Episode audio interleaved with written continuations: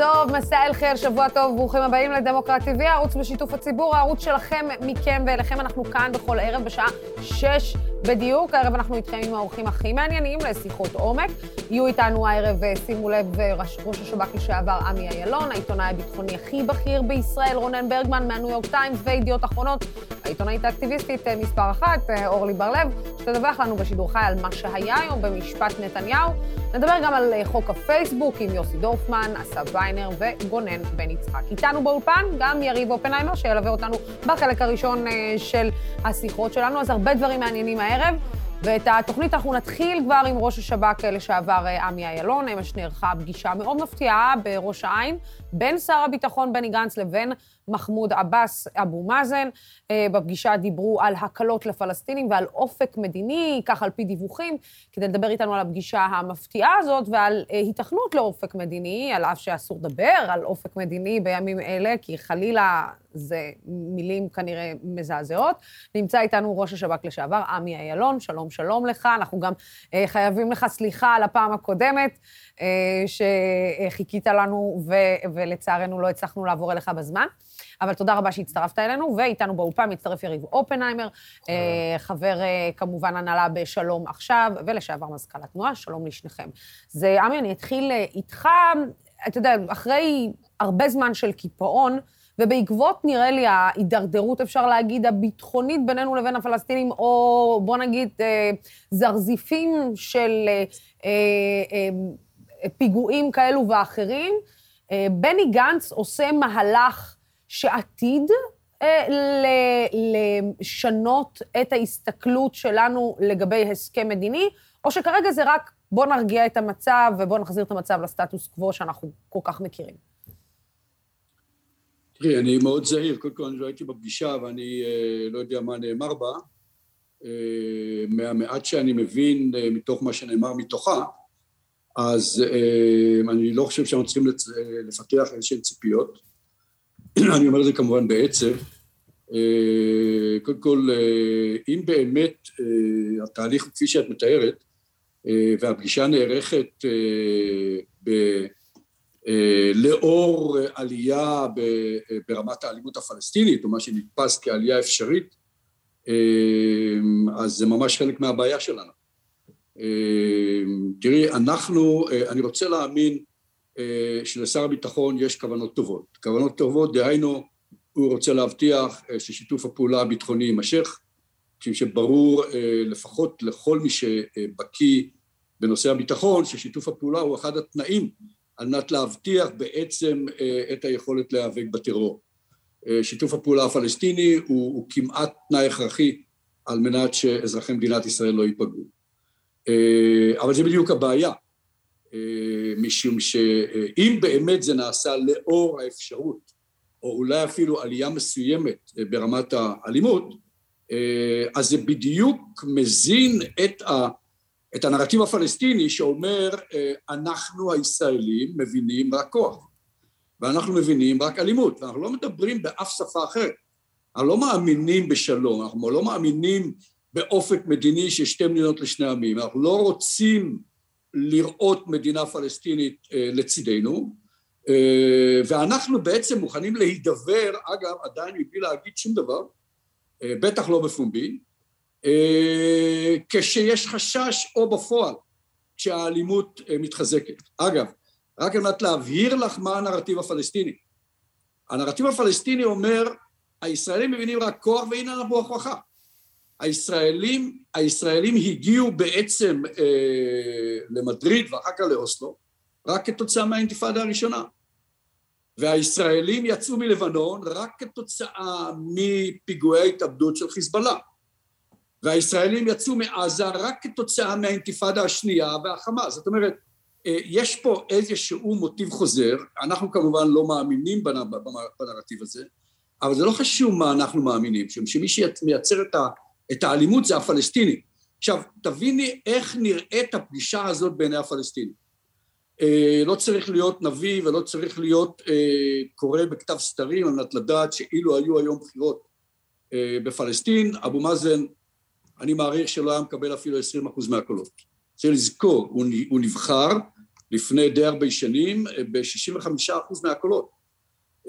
הרוב הפלסטינים רואים אותו היום כמשת"פ ישראלי, כמי שלא מגן עליהם מפני הישראלים, המתנחלים וכוחות צה"ל שנמצאים ביהודה והשומרון, אלא כמי שמגן על הישראלים מפני אנשי החמאס או אותם טרוריסטים בינינו, ביניהם אף, עמי, על אף הקיפאון שהיה בשנים האחרונות, זאת אומרת, בשנים האחרונות גם ראינו קיפאון, קיפאון? אה, קיפאון מבחינת הקשר עם ישראל. זאת אומרת, אה, בנימין נתניהו סירב לדבר... שום קיפאון, רגע, רגע, לא, לא, לא, לא, לא, לא, לא, לא, אני מצטער. אנחנו לא מדברים על זה, אבל שיתוף הפעולה ברמת מג"דים, מ"פים, מח"טים, הוא לא, הוא ברור, לא באותן איכויות כמו שהיו בעבר, אבל הרבה מאוד מהפעילות שעושה הרשות הפלסטינית, ואגב, תביני, לא, זה, זה ידוע, מבחינת, מבחינת השיתוף פעולה הביטחוני בין ישראל לבין הפלסטינים, זה ידוע שהוא תמיד נשמר, וזה בעצם גם מה אוקיי. ששומר על המצב שלנו כאן, אבל השאלה היא, נכון. האם הוא עדיין נתפס על אף הקיפאון המדיני, וזה שהוא סירב לפגוש את נתניהו, וזה שבעצם הוא גם סירב לתוכנית טראמפ, האם עדיין בקרב הפלסטינים הוא נחשב למשת"פ ישראלי? ברור לגמרי, מה זאת אומרת? הוא משתף פעולה עם מנגנוני הביטחון הישראלים, צה"ל לצורך העניין, ומגן על ישראלים מפני מי שבעינינו הם טרוריסטים, ובעיניהם הם לוחמי החופש, שהם היום זה החמאס, תביני.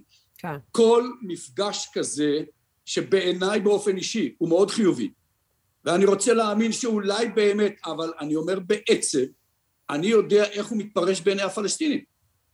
כל מפגש של מנהיג פלסטיני בעיני הישראלים נתפס כהעצמת שיתוף הפעולה ודיבור עם האויב באותו זמן. עכשיו, כל, הכל היה יכול להשתנות. אגב, ואם אני מבין נכון, לפחות קראתי את זה בארץ, שאומר שר פלסטיני, שאולי אפילו השתתף בפגישה, הוא אומר, רבותיי, ללא אופק מדיני, שום דבר לא ישתנה. עכשיו, אם שום דבר לא ישתנה, זה אומרת שהמגמות שחמאס מתחזק, ויותר ויותר פלסטינים מאמינים שמה שהעתיד הטוב שלהם, דהיינו סוף הכיבוש ומדינה פלסטינית לצד מדינת ישראל, יושג אם בכלל רק באלימות ואינתיפאדה חמושה. אה, אז, והפגישה הזאת דרך אגב, תורמת לתחושה הזאת, משום שבמקום להילחם בפלסטין, ב, ב, בישראלים, שהם הכובש, אה, אבו מאזן נותן לגיטימציה בינלאומית לשרי ממשלת ישראל, אה, אז בעיני הפלסטינים הוא עושה הפוך מכפי שהוא צריך. רוב הפעילות הפלסטינית היום אה, מכוונת כנגד טרור פלסטיני שמכוון כנגד ישראל, אבל לא פחות מזה, כנגד מי שמאיים על שלטונו, משום שהיום כן. הרבה מאוד מהקבוצות האלה, גם חמאס, אבל כבר לא רק חמאס, גם בפת"ח. יש רגע... יותר ויותר גורמים שאומרים לו, אדוני, זמנך עבר.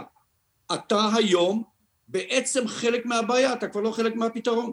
אה, אה, יריב, אתה שומע את הדברים האלה שעמי אומר, ובעצם, אתה יודע, אנחנו אה, מסתכלים על סיטואציה די סבוכה. כן, לא היה לנו, בוא נגיד, קשר מדיני עם הפלסטינים בתקופה מאוד ארוכה. בני גנץ עושה כבר פעם שנייה מהלך שבו הוא מנסה איכשהו לחמם את היחסים בצורה כזאת או אחרת. לא, לא ראש הממשלה.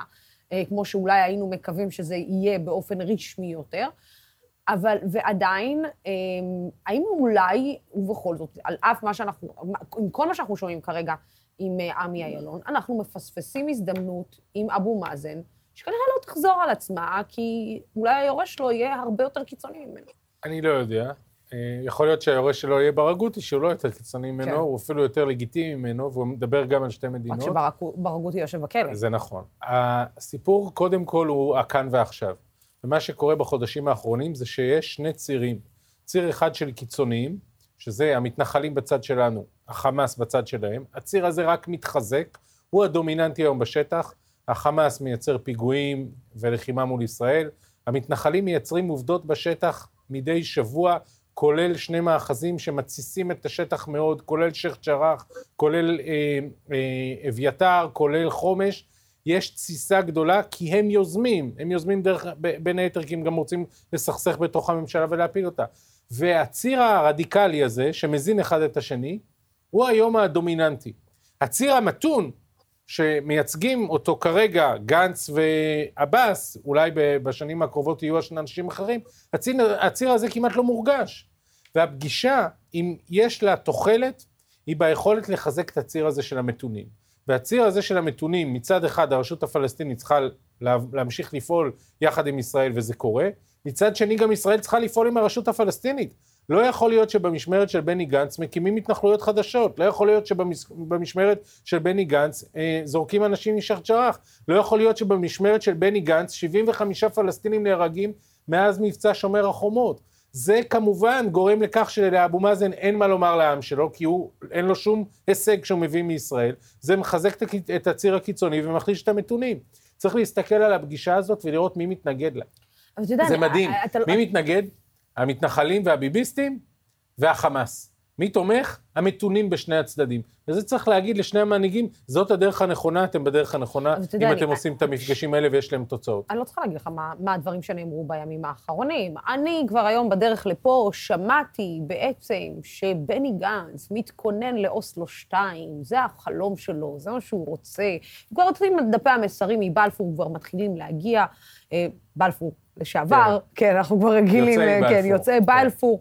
אה, ואתה יודע, אני, אני, אני מסתכלת ואני אומרת, ובכל זאת, אם, איך, איך הגענו למצב שבו אנחנו, לדבר על פתרון מדיני, מלהיט, אפילו, אפילו לא לדבר על שלום, להגיד, בוא נתניע תהליך מדיני עם הפלסטינים, מלהיט את כל החברה הישראלית. אני מנסה להיכנס למאחורי הקלעים. הקואליציה הזאת היא קואליציה שיש בה שני ניגודים, ימין ושמאל, והם באים לידי פיצוץ בנושא המדיני. בנט ומרץ זה לא הולך ביחד בסוף. בוא. ולכן ההסכמה שהובילה לקואליציה הזאת זה שלא הולכים לתהליכים משמעותיים פורצי, פורצי דרך שאי אפשר יהיה אחר כך ללכת אחורה, אלא שומרים על הסטטוס קוו.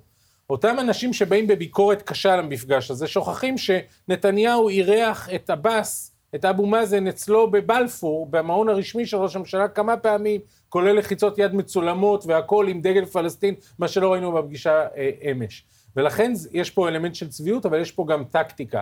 מבינים בימין שהדרך לפרק את הממשלה היא לאתגר אותה מימין, לה, להביך את בנט, להביך את האגף הימני, את גדעון סער, שהוא לא השתנה, הוא עדיין נשאר איש ימין, ולגרום להם להרגיש שזאת ממשלת שמאל. זאת הטקטיקה. והם עובדים by the book, מנסים להסית. אני הייתי מאוד שמח שכל הגידופים שלהם יתממשו, ושיהיה פה הסדר מדיני. אני ריאלי, אני מעריך שלפחות עד הרוטציה אנחנו לא נראה פריצת דרך מדינית. אנחנו יכולים לראות חיזוק של, של הציר המתון על פני הציר הקיצוני, וניסיון לייצב את השטח, להגביל קצת את המתנחלים, להגביל קצת את הצבא, לייצר מציאות שהיא פחות אלימה בשטחים בשביל להציל חיים. אבל אי אפשר, להתעלם, לא יקרה בשנה, אה, אגב, יריב, אי אפשר להתעלם באמת מהתסיסה בשטח, בש... אפשר להגיד, שנה וחצי האחרונות, משהו קורה שם ביהודה ושומרון.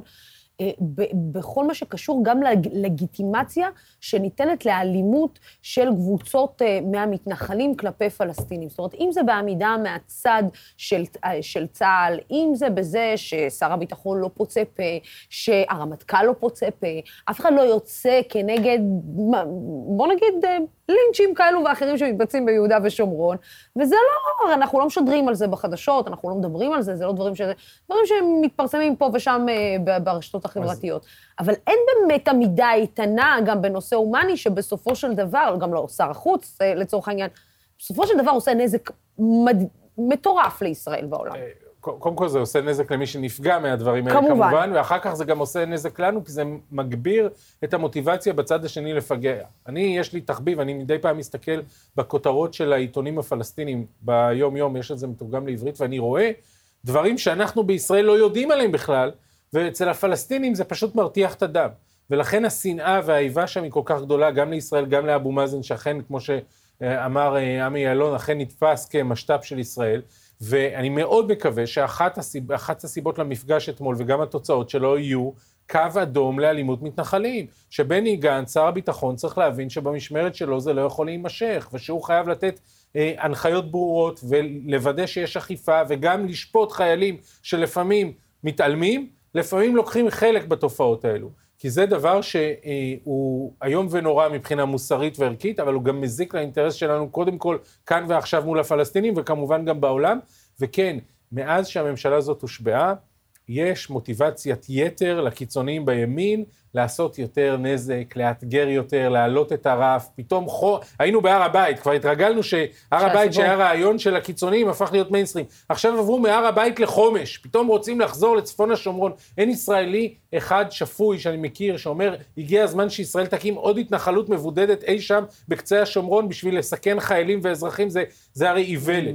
והציבור הזה של המתנחלים הוא לא ציבור אה, אה, תמים. לאנשים מאוד מתוחכמים שמבינים שאם יש סיכוי להפיל את הממשלה הזאת, וביבי שמניע את זה מאחורי הקלעים, אם יש סיכוי להפיל את הממשלה הזאת, זה על השאלות של התנחלויות, של שטחים של פלסטינים, ולכן הם מנסים לחדד את המחלוקת כל הזמן, להביך את הממשלה ולייצר כאילו עובדות לא, בשטח. זה לא מסתדר לי עם הקריצה של בני גנץ לימין. זאת אומרת, המעשים האלה שבעצם בני גנץ נפגש פעם שנייה עם אבו מאזן, מנסה ליצור איזשהו משהו מחדש. אה, לא מסתדר לי עם הקריצה של בני גנץ אה, למחנה הימין. אני חושב שבני גנץ בעצמו אה, עוד לא יודע בדיוק איפה שהוא נמצא. אני מעריך שבסוף מה שיזכרו לבני גנץ זה דווקא את הפגישות עם אבו מאזן ופחות את הקריצות לימין. אני לא רואה אנשי ימין שיצביעו לבני גנץ, אבל בני גנץ כן מנסה לבסס את מקומו במרכז-שמאל, איפה שהייתה מפלגת העבודה, איפה שהיה יצחק רבין, איפה שהיה אהוד ברק. אנשים שמצד אחד יודעים אה, אה, אה, להראות יד קשה גם בנושא הביטחוני. ראינו את ההחלטה המבישה על ששת הארגונים הפלסטינים שקיבל בני גנץ, שהייתה מכה לארגונים האלה ולחברה האזרחית הפלסטינית. מצד שני, הוא כן בסוף מבין שתפקידו למתן ולדבר עם הציר המתון, זה גם האינטרס הישראלי. באמת, היום, אם יש מישהו שאפשר לדבר איתו, צריך לדבר איתו, וזה בוודאי הרשות הפלסטינית, כי בלעדיה זה יהיה רק חמאס ואולי קיצונים מהם. מה הוא יעשה אם הוא יהיה ראש ממשלה, אם הוא ילך לשתי מדינות או למדינה אחת, שהוא יגיד, אני לא יודע לחזות.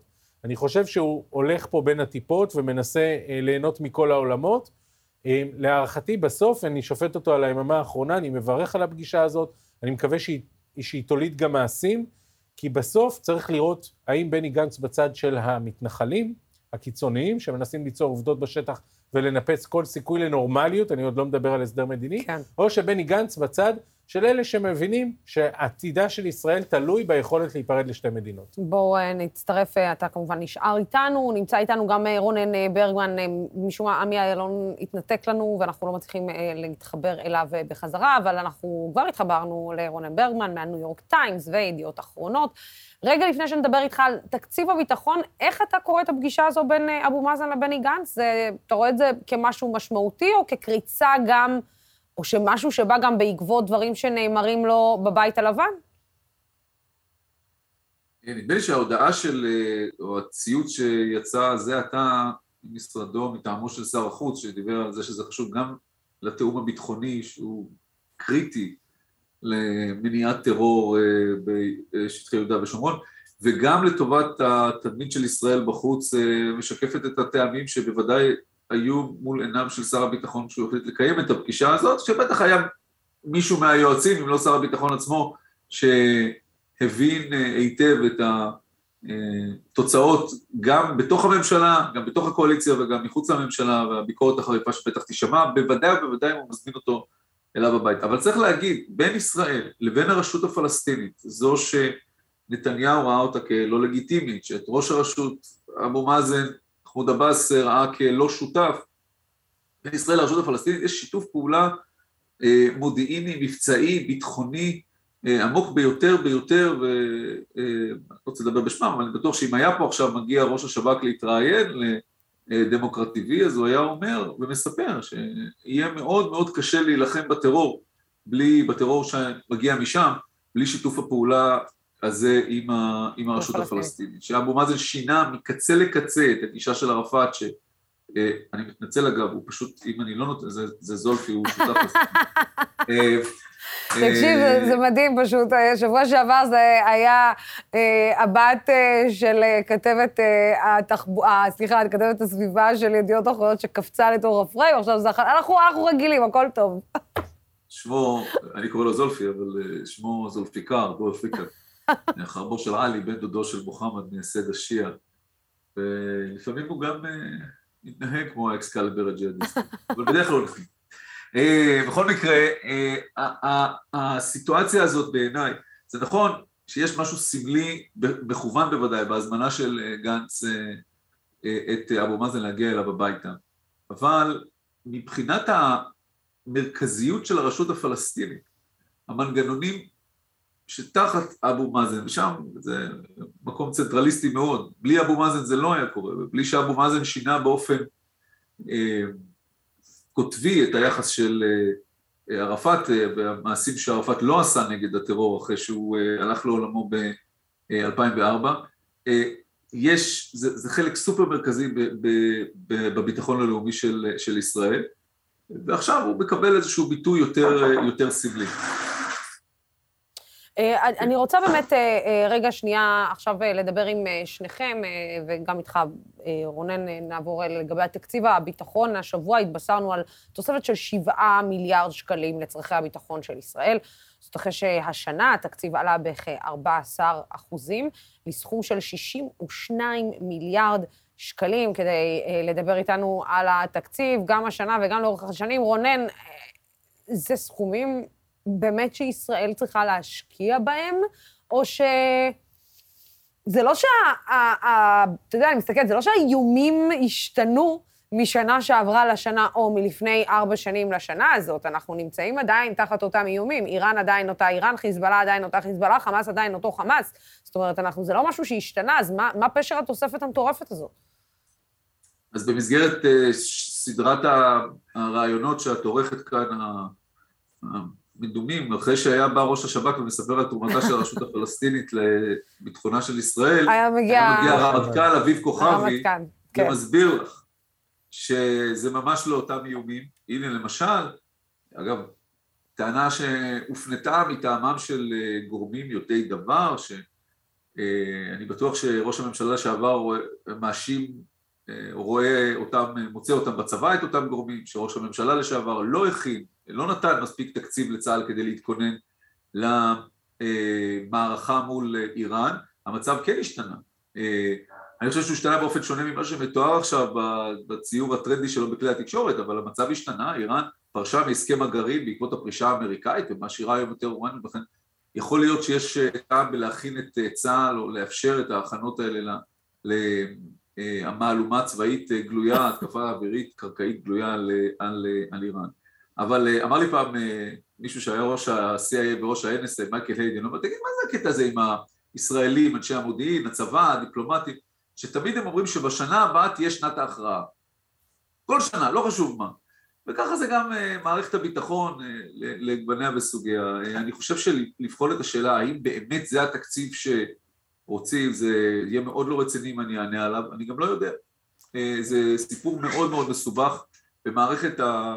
אה, אה, במשרד האוצר יש בניין שלם שהוא ספון אה, מאחורי דלתות ומנעולי צופן, שבתוכו יש את ספרי התקציב, וצריך מומחיות אדירה כדי לדעת מה כן צריך ומה לא צריך ואם צריך וכמה צוללות צריך, אבל הבעיה היא לא בתשובה שאני אתן, שהיא לא חשובה, הבעיה היא בתשובה או ביכולת של חברי הכנסת שאמורים לבקר, קודם כל הממשלה, ואחר כך חברי הכנסת שאמורים לבקר את הכמות אה, המטורפת של, של נתונים והאמירות של צה"ל, שבלי התקציב הזה, בלי האקסטרה, עכשיו כבר הגענו למיליארדים רבים, הוא לא יודע להתמודד עם כלל האיומים שנמצאים אה, אה, מסביב למדינת ישראל, למרות שקראתי היום בידיעות אחרונות שהרמטכ"ל דווקא אופטימי, שחושב שהאויבים לא יתקפו את מדינת ישראל בקרוב.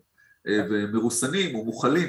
בכל מקרה, השאלה היא האם הממשלה, האם חברי ועדת החוץ והביטחון, האם חברי תת הוועדה להתעצמות מערכת הביטחון, האם כל אלה כן יודעים להתמודד באופן אמיתי ולהגיד זה כן צריך או זה לא צריך, אני לא בטוח שהתשובה על זה היא, היא חיובית. יריב לא כאן, צריך, יריב כאן רוצה... אלא שהם יודעים להתמודד עם הנתונים. כן, יריב כאן רוצה להגיב ולשאול משהו. מן הידועות הם שכאשר מתקרבים לתקציב המדינה, להצבעה בכנסת, אז לפתע העיתונים מתמלאים באיומים מפחידים על כך שעוד שנייה אנחנו במלחמת הכל בכל.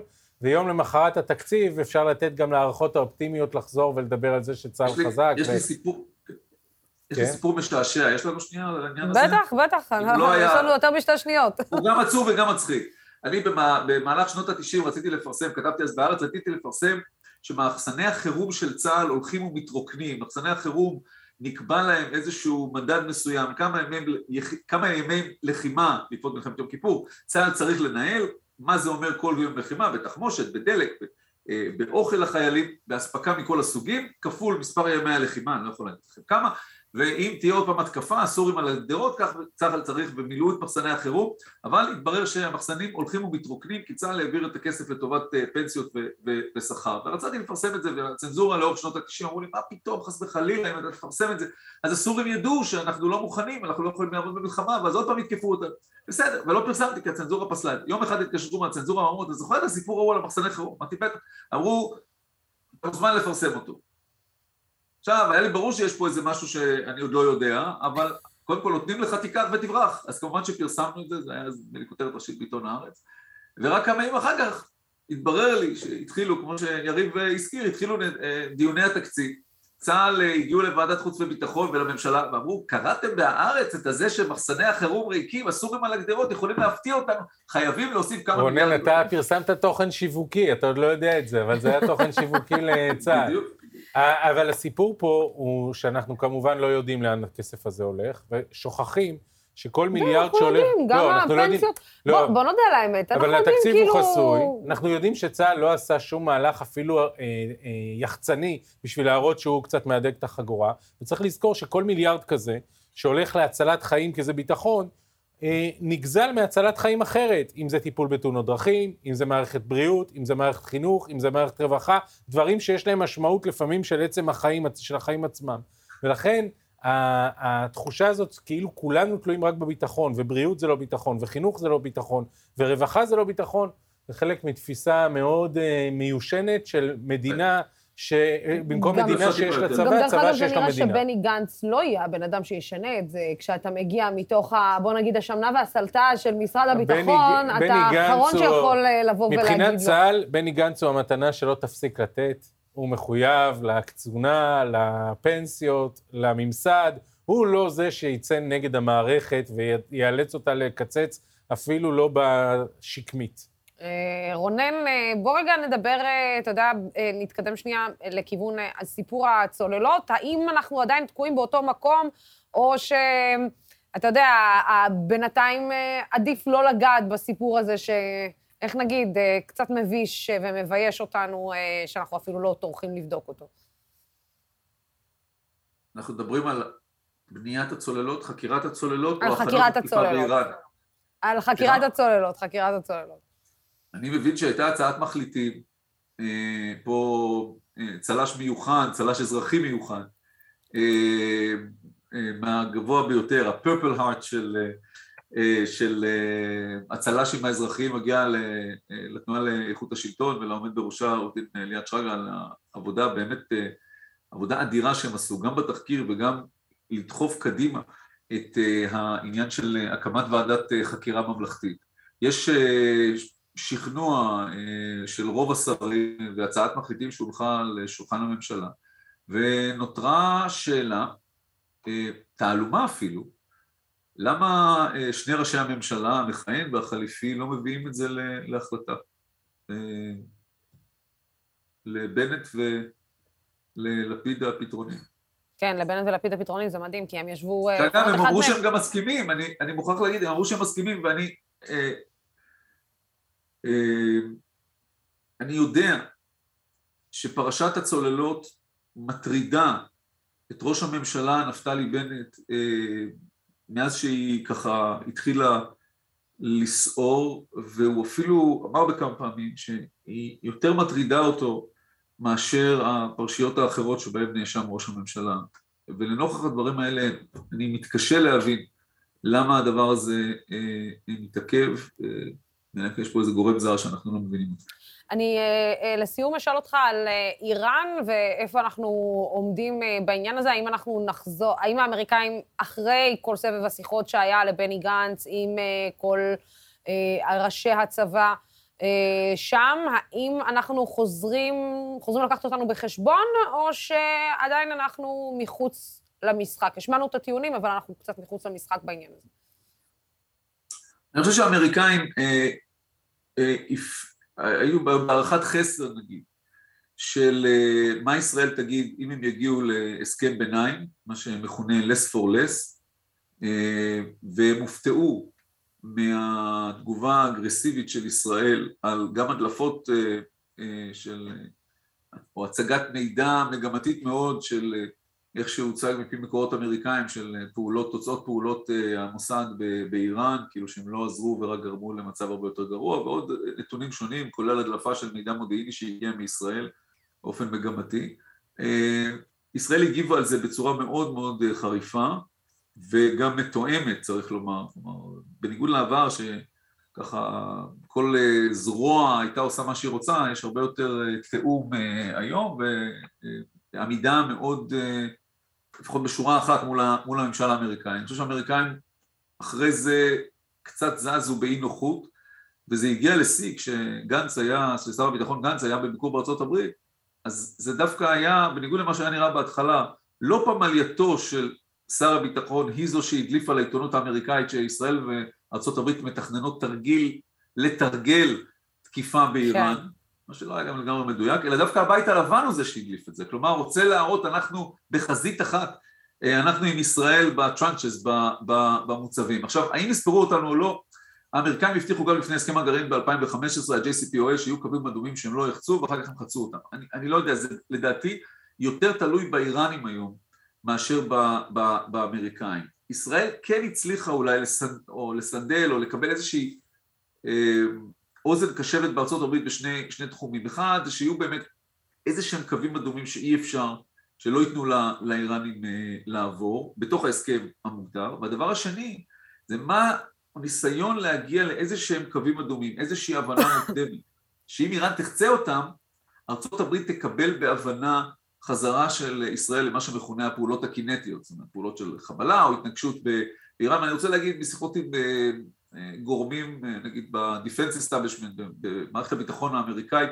יש יותר ויותר תמיכה באמצעים החשאיים, מתוך אמירה שהתקפה אווירית אה, כוללת מלחמה עם איראן לא תביא לתוצאות, אלא רק תביא לנזקים למערכה נגד, ודווקא יותר ויותר אמירות שפעולות חשאיות, יכול להיות שהן הדרך to contain, להכיל את אה, פרויקט הגרעין האיראני. כן, אה, יריב, אה, מילה שלך. שההתנהלות שאני רואה, בנט לפחות בהתחלה ניסה לחקות את נתניהו ולעשות שרירים מול ביידן, זה לא הוכיח את עצמו.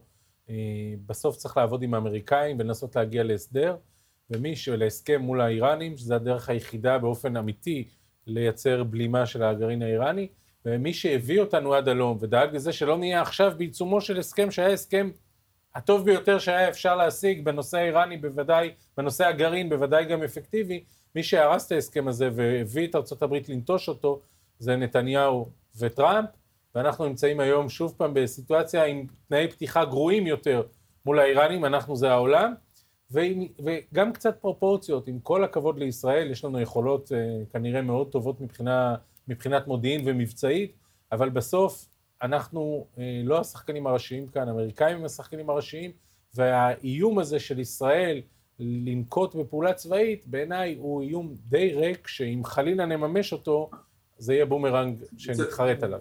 כן, אה, רונן, אתה בעצם אומר... יחד, אני רוצה רק להוסיף, תראו, כמו כל דבר בחיים זה גם וגם.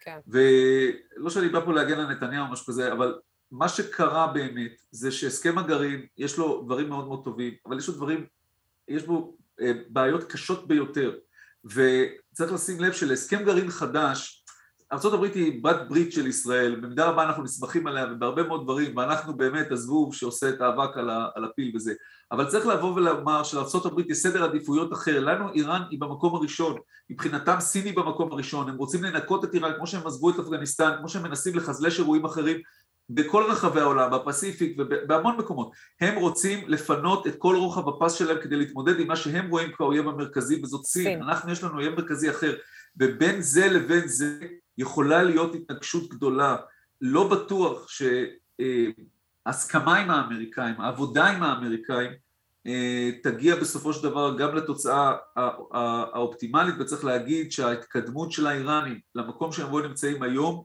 נעשתה במחקר ובפיתוח בזמן שהם היו ופעלו בתוך ה-JCPOA וצייתו לו, כי ה-JCPOA התיר להם לעשות הרבה מאוד דברים, ברגע שהם פרשו הם פשוט הכניסו לעבודה את מה שהם פיתחו כל הזמן, ולכן אה, גם וגם, זה גם טוב וגם רע, והמצב אה, לא יכול להתאפיין לצערי הגדול כעיתונאי בכותרת עיתונאית של שתי מילים. כן, אה, רונן ברגמן, יריב אופנהיימר, תודה רבה לשניכם על השיחה. תודה. אמרת, הלוואי והיית מרגיע אותי, רונן. מצפה ממך להרגיע אותי כל פעם מחדש, וזה לא ממש מצליח. אבל... לפעמים בסוף, לפעמים בסוף ההרצאות, אנשים באים אליי ואומרים, תגיד לי, איך אתה, אתה כזה חייכן, אופטימי, עם כל המידע שאתה יודע. ומדבר על כל הדברים הנוראים האלה, ואירה, וגרעין, וחיסולים וזה, אז אני אומר להם, תשמעו, אני פשוט יודע דבר אחד שאתם, אני היחיד פה שיודע. אומרים לי, מה זה? אני אומר להם, שהמצאתי את הכל. אם זה ככה, שיהיה לך סוף שבוע מהמם ומקסים. הנה, בבקשה, את סיימנו בנימה אופטימית. הנה, and they lived happily ever after. תודה רבה, רונן ברגמן, על השיחה הזאת, יריב אופנהיימר. תודה רבה לך שהגעת אלינו. בעוד רגע אנחנו נעבור לדיון על חוק הפייסבוק, אבל עוד לפני הערב אנחנו מתחילים להראות לכם את התחקיר שמבצע השותף של דמוקרט TV, משה דרור, על שיתוף ציבור בעיריות שונות. העירייה הראשונה, אותה הוא בדק, היא עיריית רחובות. נראה את הגרסה המקוצרת של מסקנות התחקיר. שלום, כאן משה דרור, ואני שב אליכם עם נושא שיתוף הציבור בקבלת החלטות שלטוניות. הפעם נתרכז בעיר רחובות. יצאנו לבדוק את ההליך שנעשה שם לאחרונה בנוגע לתוכנית לחידוש מבנה מגורים במתחמי פינוי-בינוי. מדובר בתוספת של 2,600 יחידות דיור בשכונת אושיות, על 1,885 יחידות דיור הקיימות כבר בשכונה. בדקנו האם ההליך כולו נעשה על פי שבעת השלבים המבטיחים שקיפות ומובילים לתוצאות משמעותיות, וזה מה שמצאנו. בשלב הראשון בוצע פרסום כשלושה שבועות מראש שקרא להגיע למפגש התושבים. בשלב השני של ההליך לא הועמד לרשותם של המוזמנים חומרי רקע לפגישה, כפי שמתבקש. בשלב השלישי בוצע המפגש בהשתתפותם של כ-150 איש, היכול להיחשב כבעל השתתפות ערה. בשלב הרביעי, ולמרות כמות המשתתפים הרבה במפגש, המשתתפים לא חולקו לקבוצות דיון כמו שמקובל. בשלב החמישי, ואולי בעקבות התחקיר שלנו, הועלו לאתר העירייה הצעות התושבים בצורה של שאלות ותשובות. בשלב השישי הועלתה לאתר האינטרנט המצגת שהוצגה בפני באי המפגש. השלב השביעי והאחרון עוד לא בוצע בפרוטוקול מסודר, כי המתכננים עדיין דנים בהצעות ובחלופות השונות. לסיכום, עיריית רחובות מקיימת הליכים רבים לשיתוף הציבור ויש לברך על כך. הציון הכללי המוענק להליך שנבדק הוא 72 אחוזים, שהם למעשה עמידה בחמישה מתוך שבעה שלבים. אנחנו בדמוקרט TV נמשיך לעקוב אחר הליכים לשיתוף המתבצעים ביישובים שונים בארץ ונדווח לכם. צפו בשידורנו. תגובת עיריית רחובות, עיריית רחובות רואה חשיבות רבה בשיתוף הציבור בהליכי התכנון ומקפידה לקיים זאת בכלל התוכניות המוקדמות בעיר. חשוב לציין כי הקלטת המפגש שנערך בזום הועלתה לאתר, וכן כלל החומרים שהוצגו בקובץ שאלות ותשובות, הכל כפי שהובטח לתושבים במעמד המפגש. כמו כן השתתפו במפגש שני מתורגמנים לשפות רוסית ואמהרית, המתמחים בנושא תכנון ובנייה, וזאת על מנת להנגיש את עקרונות התוכנית לכלל האוכלוסייה המתגוררת בשכונת אושיות. כן.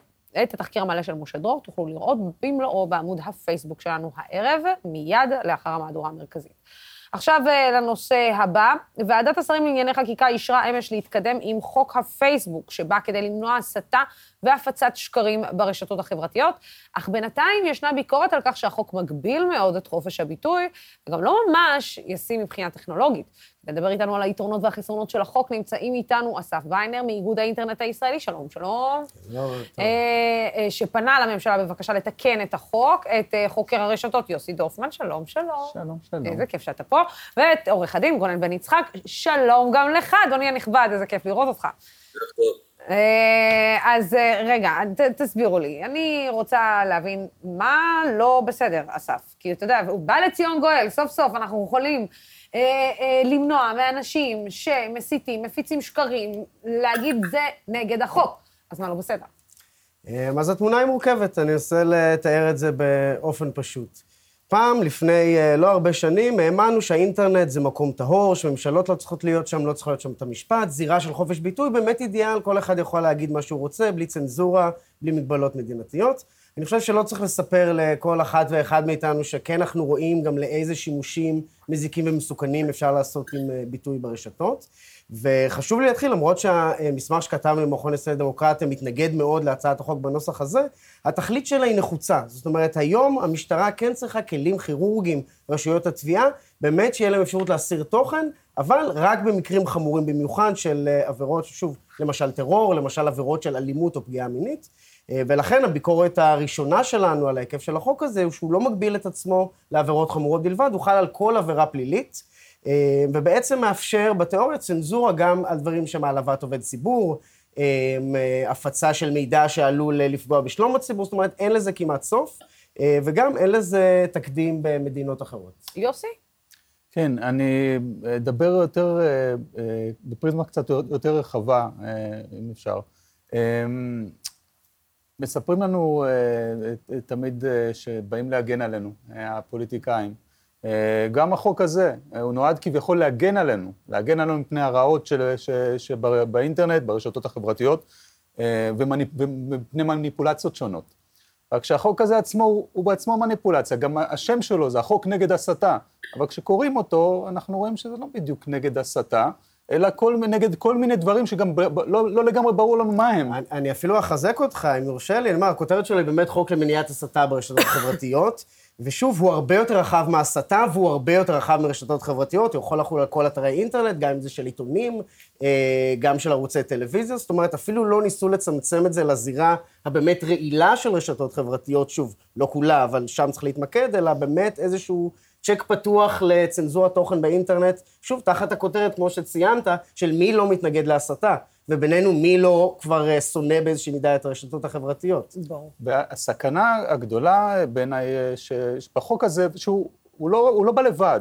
בתקופה האחרונה, אה, ככל שהלך וגבר השימוש במניפולציות ב, ב, ב, בכלל בספירה הציבורית, במיוחד ברשתות החברתיות, שזה קר נוח אה, למניפולציות מהסוג הזה, גם אה, הלכה והתגברה תגובת הנגד אה, אליה, ותגובת נגד שונה גם שלי כאקטיביסט, אני עסקתי בחשיפה של מניפולציות שונות בעשור האחרון. אבל דווקא מהמקום הזה חשוב לי לומר ש, שתגובת הנגד הזאת צריך לשים, להיזהר ממנה, מהעוצמה שלה. כי אם אנחנו ניסחף אחרי תגובת הנגד, אנחנו בעצם נעשה, נלך לאותו מקום של, שאליו הולכות המניפולציות. מה זאת אומרת? בעלי העוצמה בחברה, הם משתמשים בכוח שלהם כדי לגרום לנו לראות מציאות באופן מאוד מסוים שנוח להם. מהצד, החוק הזה כביכול, והצעות החוק הללו, כביכול נועדו להילחם בעניין הזה, אבל זה בעצם עוד משטור של השיח. בסופו של דבר, מה, ש, מה שאנחנו נלך אליו זה שבעלי העוצמה ישתמשו בכוח הזה כדי למשטר אבל, אותנו, אבל, את, את, את האזרחים אבל יוסי, לא כל הגבלה על רשתות חברתיות שמטבען הן אה, אולי סמל, נגדיר את זה לחופש ביטוי כזה או אחר, לאפשרות שאתה יכול להגיד מה שאתה רוצה, במיוחד בדמוקרטיות.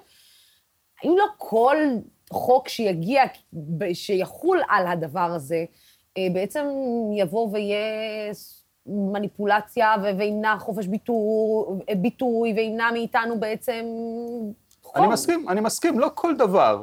אמ, לכן, לכן, כמו שנאמר כאן, אה, עניינים נקודתיים וכירורגיים זה בסדר, אבל חוק שמדבר על הגבלות אה, של השיח, משטור של השיח, הוא חוק מסוכן, הוא חוק שבסוף אה, ישתמע, יעשו בו שימוש בעלי העוצמה בחברה, אם זה פוליטיקאים, אם זה, אם זה בעלי הון, כדי להפיק עוד רווחים על חשבון שאר, שאר הפרטים בחברה. זה מה שיקרה. גונן, אנחנו ריאליים, האם בכלל אפשר להגביל את השיח היום בעידן של הרשתות החברתיות? האם באמת אפשר לבוא ולהגיד, אוקיי, אתה לא יכול לכתוב את זה, הנה, אתה מוזמן לבית משפט. האם באמת אפשר לעשות את זה בעידן הזה?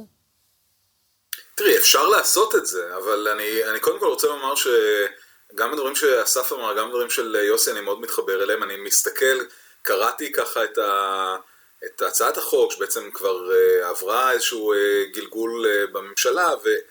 אה, יש, קודם כל, יש, יש בעיות שהן בעיות אה, טכניות, יש בעיות שהן בעיות פילוסופיות. אני, אני רוצה לומר, נדמה לי באיזשהו מקום שהמדינה באה ועכשיו ועושה עוד איזשהו חוק, שבסופו של דבר, כמו שיוסי אמר, יפגע באזרחים, והיא קצת מתחמקת מאיזשהו דיון עקרוני מאוד חשוב, וזו השאלה, איפה מקומה של המדינה ברגולציה הזו של מה שאנחנו קוראים לו חופש ביטוי מול החברות הגדולות, כי היום אנחנו נמצאים במצב שבו יש מספר חברות שמפעילות אה, רשתות חברתיות, ובעצם הן מתחילות לקחת יותר ויותר מהסמכויות של מדינה בנושא של אה, חופש ביטוי. אנחנו רואים כל הזמן אה, כל מיני מקרים שוואטסאפ חוסם את אנשים, פייסבוק חוסם את אנשים, כלומר מי שהיה פעם אמור לעשות את הרגולציה הזו של חופש ביטוי זה המדינה, היום עושות את זה חברות, והמדינה במקום לבוא ולנסות להסדיר את היחסים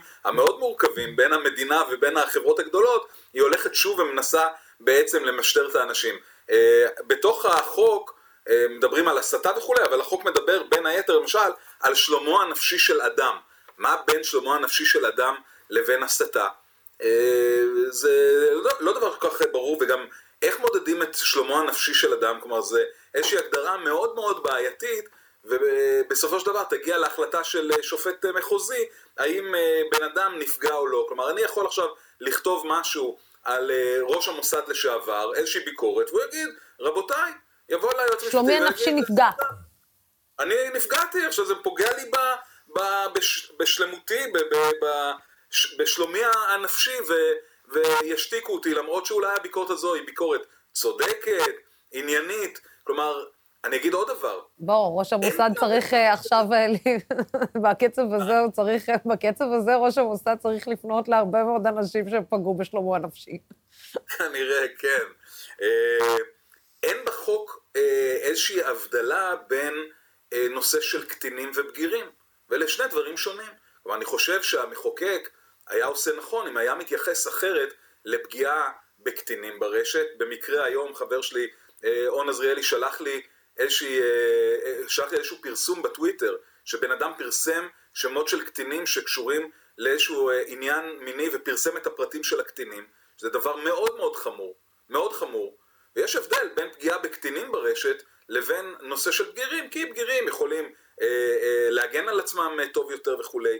יש בחוק הזה המון המון המון אה, אה, בעיות, ושוב, אה, בסוף כשאנחנו באים אה, למדינה ומבקשים מהמדינה לממש את הסמכות שלה עוד לפני שהיא אה, אה, חוקקה את החוק הזה, היא לא עושה את זה. אני הגשתי אה, תלונות במשטרה אה, נגד התערבות של גורמים אה, חיצוניים שבעצם אה, אה, נכנסו ברשתות חברתיות ועשו כל מיני מניפולציות. זה לא עניין אף אחד. דיברתי עם השב"כ, דיברתי עם המשטרה, והם שיש להם את הסמכות החוקית גם היום, לא טיפלו בזה בכלל, אז עכשיו, מה, צריך חוק מיוחד לדברים שהם יכולים לעשות גם ככה, וכשבאים ומגישים תלונה, אני מקבל אחרי כמה חודשים אה, אה, הודעה שזה אה, טופל והם לא מצאו שם אה, שום בעיה פלילית. אז אה, זה נראה מאוד מאוד מוזר, מאוד מאוד לא, לא אפוי, ואני חושב שצריך להשקיע בזה עוד מחשבה. אה, אה, טוב הייתה עושה המדינה אם הייתה באה לגוף, למשל, כמו המכון הישראלי לדמוקרטיה, מתייעצת איתו ומקבלת ממנו את הכלים כדי לחוקק חקיקה שהיא נחוצה והיא גם נכונה בהקשרים דמוקרטיים ושל חופש ביטוי. אז בואו באמת אה, אה, נדבר אה, שנייה, באמת. איך אפשר לשפ... לשפצר את ההצעה, או בכלל לשנות אז, אותה? אז אני שמח שאת שואלת, כי באמת, שוב, את ההתייחסות שלנו, ושוב, אני מוסיף, המכון הישראלי לדמוקרטיה ואיגוד האינטרנט הישראלי, אנחנו, אני מאיגוד האינטרנט הישראלי, זה באמת מיזם משותף שלנו. קודם כל, שוב, הנקודה הראשונה, להגביל את התחולה של החוק הזה לשורה של עבירות חמורות במיוחד, למשל, אה, לפי חוק למלחמה בטרור, אה, דברים שהם פגיעה מינית. ועכשיו, יש לזה כבר תקדים, אני אה, רוצה להגיד, אולי לא יודעים הצופים שלנו יודעים, אבל כבר מ-2017 יש חוק שמאפשר לצנזר גישה לאתרי אינטרנט מישראל, ששוב, הוא הוגבל מראש למקרים של פדופיליה, זנות, טרור, סמים והימורים. שאלה באמת הרעות או חלות שהחליטו שצריך לטפל בהן. אה, והוא מופעל מאז בהיקפים לא קטנים. אני חושב שכולנו יכולים להרגיש די בנוח שתכנים כאלה תיחסם הגישה. ברור לנו שיש פה פגיעה בזכות לחופש ביטוי, אה, אבל יש פה איזשהו איזון שבאמת הדברים אה, מוגבלים למשהו גם באמת יש בו סכנה. הדבר השני שצריך לתקן בו זה את ההגדרה של על מה הוא חל. כיום ההגדרה שלו על כל אתר אינטרנט לרבות אפליקציה, שוב, הוא לא מבחין בין רשתות לבין אתרים של עיתונות, הוא אפילו לא מבחין בין אפליקציות של מסרים, אה, אולי אפליקציות היכרויות אה, ושלל היישומים שיש לנו ברשת. וצריך לתקן גם את הפרוצדורה שלו, שבעצם מחמירה את החשש שלנו, כי צווים לפי הצעת החוק אפשר לתת גם עם ראיות שהן לא קבילות, גם במעמד צד אחד בהרבה מאוד מקרים, אה, וגם הרבה פעמים מבלי להודיע לאדם שהתוכן שלו הוסר, שבאמת התקבלה בקשה וזו הסיבה שניתן. ובאמת, מתוך הבנה שצריך, כן יש מקום לתת כלים, אני בכוונה לא רוצה לתת עמדה שהיא חד-צדדית, אבל צריך לעשות את זה כירורגי, ובטח לא באיזשהו אה, נבוט כזה. אני גם מנסה לחשוב, כאילו, מי הולך לאכוף את כל הדבר הזה? בוא נודה על האמת, הרי לא מצליחים עכשיו לאכוף נכון אה, את כל מה שקורה כרגע ברשת, שהם נכון, עכשיו נכון אחרי מאוד. חוק... את מי, מה, מערך נכון. של כוח אדם שלם צריך להקים לדבר הזה? נכון מאוד. גונן הזכיר פה דברים שאנחנו שותפים להם יחדיו. פנינו לרשויות בכל מיני נושאים מסוכנים. אה, באמת אה, דברים שבאמת היו הסתות ואלימות אה, שתועדה והופצה ברשת. לא נעשה עם זה דבר, כשאנחנו היינו אזרחים שפנו. ופה באמת אני רוצה לשים את האצבע על הסכנה. כי כשאנחנו אזרחים פונים למדינה שתעזור לנו מול אלימות שאנחנו מזהים ברשתות, אנחנו לא מקבלים מענה במקרים רבים, אולי ברוב המקרים, כנראה ברוב המקרים. כשהמדינה תרצה לעשות את זה, כשהבעלי העוצמה, אם זה, אם זה הפוליטיקאים ואם זה בעלי הון שקרובים לפוליטיקה, ירצו שיטפלו באזרחים, יש לי הנחה שזה יקרה יותר. אה, גונן, אתה יודע, השאלה היא האם, אם בסופו של דבר, אנחנו בעצם, אנחנו לא איכשהו תלויים גם בחקיקה בינלאומית. זאת אומרת, ברגע למשל, שאותן חברות כמו פייסבוק, כמו טוויטר, כמו, אתה יודע, היום זה וואטסאפ ואינסטגרם, זה הכל של פייסבוק, אבל ברגע גוגל... טלגרם אה, אפילו שידועה טלגרם, באי שיתוף פעולה עם אה, רשויות חקירה. אתה יודע, כשאני, כל עוד ה- ה- ב- בעולם לא מצליחים להגביל את החברות האלה, מי אנחנו, שאנחנו נוכל בכלל אה, לחוקק חקיקה כנגד פייסבוק או כנגד מי שזה לא יהיה? יודע, אין ספור אה, הצהרות שמנכ"ל פייסבוק נותן אה, בפרלמנט האמריקאי ובבית הנבחרים, זה, אתה יודע, זה, סאגה כמו המשפט של נתניהו, אז, אם שם הם לא מצליחים להתגבר על זה, איך אנחנו נצליח להתגבר על זה בחקיקה? תראי, אני- שואל את עצמי שאלה עוד לפני זה, וזה בעצם, מה, מה מטרת אה, החקיקה? אז אסף הזכיר כמה דברים מאוד חשובים, שהם מאוד אה, ממוקדים ומאוד אה, הגיוניים שאפשר לטפל בהם, אה, לטפל בהם בצורה ממוקדת, ובסוף אנחנו מדברים על חוק למניעת הסתה, הסתה ברשת, מה קורה אם נגיד פוליטיקאי בכיר, או, ראש ממשלה, או ראש ממשלה. לשעבר. שמסית ברשת בכל הפלטפורמות, שמקבל זמני שידור בכל הערוצים המרכזיים, והוא משתמש בהם כדי להסית, או אנשיו, כולל שר הסייבר לשעבר, שמסית נגד אה, בתי המשפט וקורא לשופטים אה, שיכורים, אז איך החוק הזה בדיוק אה, עוזר לנו בעניין הזה? הוא לא עוזר, ואני חושב שה... בסופו של דבר חקיקה הרי לא נועדה רק כדי לאסוף מדליות על ה... ככה על הצוואר של חברי הכנסת להגיד הנה חוקקתי את החוק הזה ואת החוק ההוא. בסוף החקיקה אמורה לסייע לנו בחיים. אסף אמר דברים מאוד חשובים, יוסי אמר דברים מאוד חשובים לגבי איך אפשר אה, לעזור לציבור ולעשות חקיקה כללית, אה, כולל השאלה איך מתגברים אה, או איך מחוקקים חוקים נגד חברות, אנחנו רוצים לשאול את עצמנו מה הבעיה שאנחנו רוצים להתמודד איתה, והבעיות הן בעיות מאוד ממוקדות, וכמו שחבריי אמרו, אפשר להתמודד איתן בצורה מאוד ממוקדת, שהיא לא חוק כזה גדול, שגם אפשר להעלים היסטוריה ברשת, את יודעת, אני שואל את עצמי שאלה כללית, היום המציאות שלנו נמצאת בתוך הרשת, בתוך גוגל, אז מה, עכשיו הממשלה תוכל אולי להעלים חלק מה... אני אגיד מהתרבות שלנו, שהיא קורית גם ברשתות, ברשתות החברתיות, באיזושהי החלטה שמשהו פוגע, נשמע לי מאוד מאוד אה, בעייתי, מאוד מאוד אה, מוזר, אה, ומאוד מאוד אה, רחב ולא ממוקד. כן, אה, אסף אה, ויינר, אה, יוסי דורפמן וגונן בן יצחק, תודה רבה לכם. השאלה, אתם יודעים, אני רק אומרת, מישהו נעצר בתקיפה של בני בגין? עכשיו בהסתה שהייתה כנגדו? מישהו? עצר מישהו? לא מעניין את המשטרה. לא, נכון? לא, אבל זה יפה, זה יפה כן. שרוצים לעשות חוק פייסבוק וחוק הסתה. זה כאילו מקסים. אגב, אותו, אדם, לוסי, צילם את עצמו בשייח' ג'ראח לפני כמה שבועות, גם מכה, מכה פלסטיני, וגם גם על זה הוא לא נעצר. כן, כן, אה, אף אחד לא נעצר, אבל העיקר שיש חוק פייסבוק כנגד הסתה. הכל, אה, כן, הכל בסדר. אה, שיחזרו לשומר חומות, יעשו קצת שיעורי בית. תודה רבה לשלושתכם. תודה רבה. לך. כן, ועכשיו אה, נמצאת איתנו אורלי בר-לב, שמדי יום מדווחת בצורה מאוד מדויקת על מה שמתרחש במשפט נתניהו, ולא נמאס לה, והיא לא מרימה ידיים, שלא ברור מתי ייגמר המשפט הזה. מתקדם, משפט שמתקדם, איך נגיד, לאיתו. היום אה, הסתיימה החקירה של ניר חפץ על ידי ההגנה. אז כדי לסכם את החקירה הנגדית של חפץ אה, ולספר לנו מה יש בהמשך, נגיד ערב טוב לאורלי בר-לב, הוא הפיל עוד פצצה היום, כפי שניתן לראות.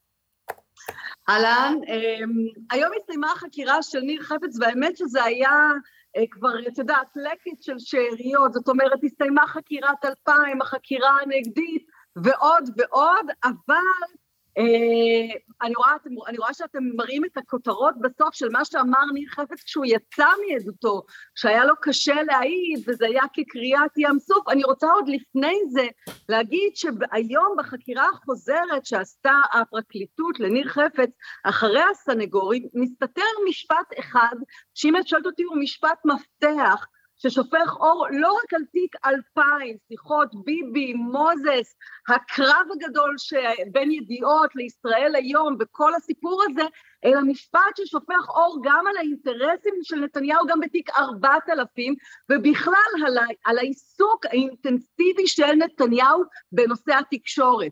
למה הוא בחר להיות שר התקשורת, למה הוא התעקש שכל הקואליציה אז, ב-2015, אף אחד לא יוכל להגיד דבר והוא יוכל לעשות כרצונו.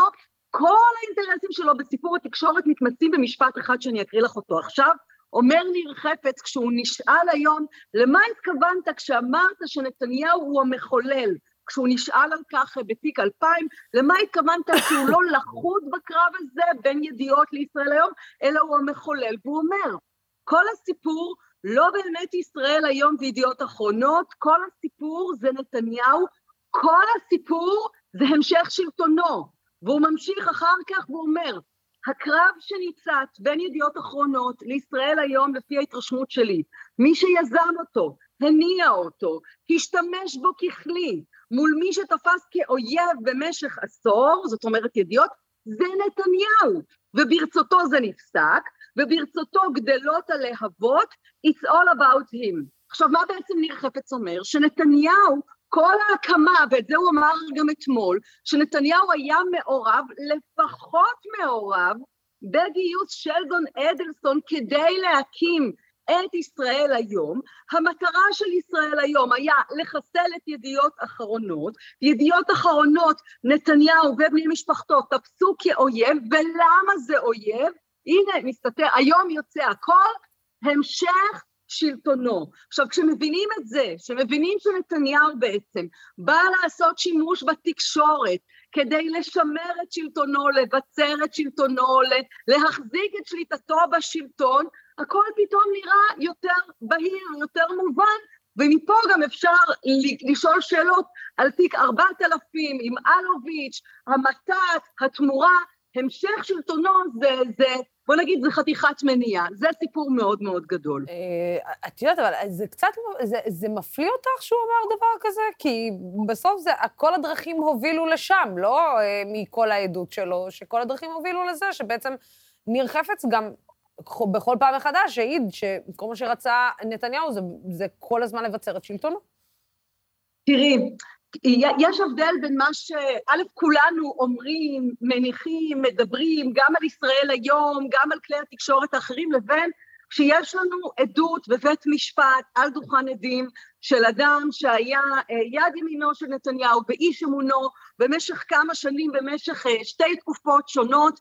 אני חושבת שכאן, לפחות מבחינת התביעה והניסיון שלהם לשרטט תזה, אני מזכירה שנתניהו הוא הנאשם מספר אחת בתיק הזה, ויש צורך להוכיח את היסוד הנפשי, אני מזכירה שבתיק 4000 אנחנו מדברים על שוחד, בתיק 2000 אנחנו מדברים על נתניהו, על הפרת אמונים שהוא נמצא בשיחה שבה הוא מקבל לכאורה, לפי שיטת הפרקליטות, הצעת שוחד, כל הדבר הזה זה כדי להיכנס לראש שלו לסיפור הזה. עכשיו, תראי, אתמול אה, ניר חפץ פתאום מסביר, הוא אומר, נתניהו, מה שאמרתי קודם, היה מעורב לפחות מעורב בגיוס שלדון אדלסון להקמת ישראל היום, ועוד מספר לפני כן שנתן אשל תיאר לו, לניר חפץ, באופן פרטני, שכשהוא היה ראש סגל, הסיבה שהוקם ישראל היום זה לחסל את ידיעות, ושהוא הלך לנוני מוזס והזהיר אותו, שאם הוא לא יפסיק להיות עיתון עוין כלפי נתניהו, אז יקום הדבר הזה, זאת אומרת יקום עיתון בבעלות שלדון אדלסון ויחסל את ידיעות. מעבר לאיומים, לסגנון המאפיה, שמענו גם אתמול ניר חפץ אה, שמעיד פעם נוספת על אה, מסרים מאיימים שהועברו, ש, שנתניהו אה, אמר לידו, וניר חפץ הבין שהוא לכאורה אמור להעביר את זה למוזס, מעבר לכל אווירת האיומים האלה, המאפיה הזאת, כל העוינות, כל האיבה וכל הדבר הזה, המוטיבציות, את יודעת, אנחנו שומעים כל הזמן אה, את השופרות ברשתות, נתניהו, חמ"ל התעמולה שלו, שהתיקים קורסים, שהעדות שניר חפץ לא תרם, העדות של ניר חפץ נותנת לא מעט עוגנים לתזה של התביעה. אמנם להגנה יש גם הישגים, אבל בבסיסו של דבר העדות של ניר חפץ נותנת עוגנים לתביעה, לביסוס התזה, גם מבחינת המוטיבציות של נתניהו, מבחינת הסיקור, הדרישות סיקור שהוא העביר, ניר חפץ, מנתניהו לוואלה, המעורבות של נתניהו בכל אה, הודעה, בכל תגובה, ברמת הפסיק, ברמת האות, העובדה שניר אה, אה, חפץ עצמו נמצא באיזשהו תפקיד, אמנם בדרך כלל רק במגירת הסיקור, אבל פתאום נמצא בסיטואציה שהוא מעביר מסר רגולטורי, נייר, מאלוביץ' לנתניהו, ואז נתניהו מזמין את אלוביץ' מיד לפגישה, וניר חפץ עד לשיחה שבה יאיר נתניהו נכנס לחדרו, לחדר העבודה, ללשכה של נתניהו, ושם הוא אומר, הוא מנופף באיזשהו תדפיס, שכתבה מוואלה, והוא אומר, אה, אחרי, אה, את זה הם מפרסמים אחרי כל מה שאתה עושה בשבילם, משהו שכורך את מה שאתה עושה בשבילם, זאת אומרת רגולציה, מה שהם מפרסמים, זאת אומרת דרישות הסיקור, כל הדבר הזה, עוד פעם, למרות שיש להגנה הישגים נקודתיים בכל מיני מקומות, אבל את הדברים שכרגע אמרתי, ניר חפץ נותן ונותן בצורה ברורה וחדה, וצריך להגיד שדווקא בגלל שניר חפץ לא היה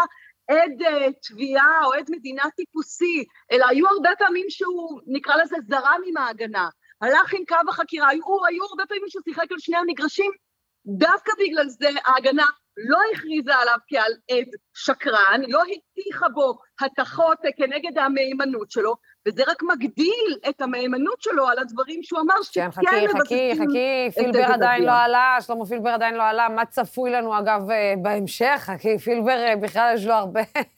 זה אם בכלל העדות שלו בסוף תתקבל והוא לא יוכרז כעד עוין, לפחות לאור כל מה שהוא עושה בשנתיים האחרונות. זאת שאלה טובה מאוד, מה יהיה עם פילבר? זה לא יקרה מיד עכשיו, זה יקרה בעוד כחודש, חודש וחצי, יש עוד כמה עדים עד אז, אבל זו באמת שאלה מצוינת, וצריך להגיד, ש...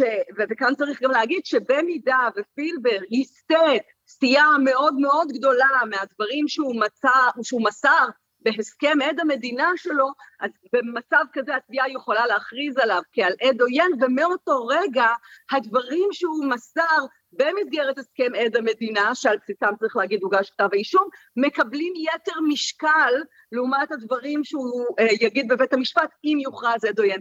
ככה שזה לא כזה טריוויאלי, יכול להיות שאנחנו נראה כאן אה, שוב אה, מין תחכום עד ששט בין המגרשים, אה, והשאלה הגדולה באמת תהיה אה, איך תהיה העדות שלו ביחס לדברים שהוא אמר לפני כן במשטרה. כן, אה, אורלי בר-לב, שתהיי בריאה. איך יש לך סבלנות עדיין, כאילו, לעקוב אחרי כל הפרטים. אני רק פשוט, אני מעריצה אותך רק על הזיכרון שיש לך על כל הפרטים של המשפט הזה. זה... אז אני אגיד... אני, אני אגיד למה זה חשוב, מעבר לזה שזה מרתק, צריך להגיד, הסיפור פה הוא לא רק נתניהו, הסיפור זה בכלל העיתונות הישראלית, הסיפור זה אה, אה, אה משבר העיתונות, אנחנו רואים את זה לא רק בתיקים של נתניהו, אנחנו רואים את זה רוחבי, רואים את זה בשאר כלי התקשורת, מי כמוך יודעת, רואים את זה, גם היום רואים את זה, אנחנו היום נמצאים ומתעדים משפט כשכבר היום מתנהלים דברים כאלה, זה גם דברים שלא נתניהו המציא, זאת אומרת, א', יש כאן מחלה עמוקה וצורך עמוק לרפא אותה, ועם השלכות אדירות על הדמוקרטיה שלנו, וב' צריך להגיד, גם ספציפית, הסיפור של נתניהו, אנשים חושבים שזהו, הלך, נגמר, וואלה, הוא לא הלך. הוא עוד כאן, והוא עוד מנסה לראות איך לחלץ את עצמו, והוא עוד מנסה לראות מה הוא עוד יכול לעשות, והאיום על הדמוקרטיה מהכיוון הזה לא חלף. בקיצור, יש סיבה טובה שאני נמצאת שם. חכי, חכי, מנדלבליט, אה, הוא עוד עלול להגיע לעסקה עם מנדלבליט. אה, אתה יודע, יש לו עוד קצת זמן אה, להגיע לעסקת טיעון. את צודקת, החושים שלך לא מתאים אותך, ואחרי מה שאנחנו ראינו בתקופה האחרונה, אנחנו בהחלט יכולים פתאום בעוד שבועיים-שלושה, שמנדלבליט ינחית פצצה על הראש של כולנו, כולל על ראשי הפרקליטות, ופתאום יביא לנו איזושהי עסקת טיעון. זאת סכנה לא פשוטה, במיוחד שאם כבר נתניהו יסכים למשהו כזה, אז זאת תהיה כנראה עסקת טיעון, הסדר מאוד מאוד מאוד מקל, ורק בגלל זה חייבים להדגיש כמה בינתיים, לא רק שהתיק לא קורס, אלא התיק חזק ויציב, ולכן שום עסקת טיעון שהיא מקלה ושהיא מתעלמת מכל הדבר הזה לא מתקבלת על הדעת ולא תיתכן, ובכלל מנדלבליט לא הבן אדם שאמור לדון בנושא הזה, הוא בניגוד העניינים מפה ועד לירח. ספרי, ספרי לו את זה. אורלי בר-לב, אהובה שלנו, תודה רבה לך על השיחה הזאת. כמובן נמשיך ונעקוב אחרייך, כי מי שרוצה באמת לעקוב על מה שקורה בתוך בית המשפט, אתם לא ממש יכולים לקבל את זה במקומות אחרים, אתם יכולים לקבל את זה אצל אורלי, וכמובן את הסיכומים אצלנו. אז אורלי היא הכתובת. תודה רבה, אהובה שלנו. מיד אחרינו כיכר סחריר עם יוסי לוי, והפעם ציפי ברנד ואיציק אלרוב. נגיד לכם תודה רבה לצופים ולשותפים של דמוקרט TV, ששמו לב שאני עם משקפיים. כן, כן, גיל 40 מגיע, וגם זה... והצילינדר הגיע ביחד איתו. התוכנית הזו אפשרית רק בזכותכם, וימים כמו אלו הולכת ומתחדדת החשיבות של ערוץ תקשורת שלא מפחד להביע עמדה נחרצת בעד הדמוקרטיה ובעד שלטון החוק, בעד המאבק בשחיתות ובעד מגוון של דעות. אז המהדורה המרכזית של דמוקרט TV בימים ראשון עד חמישי בשעה שש. מחר אמילי אמרוסי כאן, ועכשיו ערב טוב ליוסי לוי, כיכר סחריר. ערב טוב לוסי, ערב טוב לצופים ולשותפים של דמוקרט TV. הערב אנחנו בכיכר סחריר עם ציפי ברנד ואיציק אלרוב. נדבר על ההסתה של נתניהו, על פרישת ליצמן וגם על פרשת חיים ולדר. בואו נצא לדרך.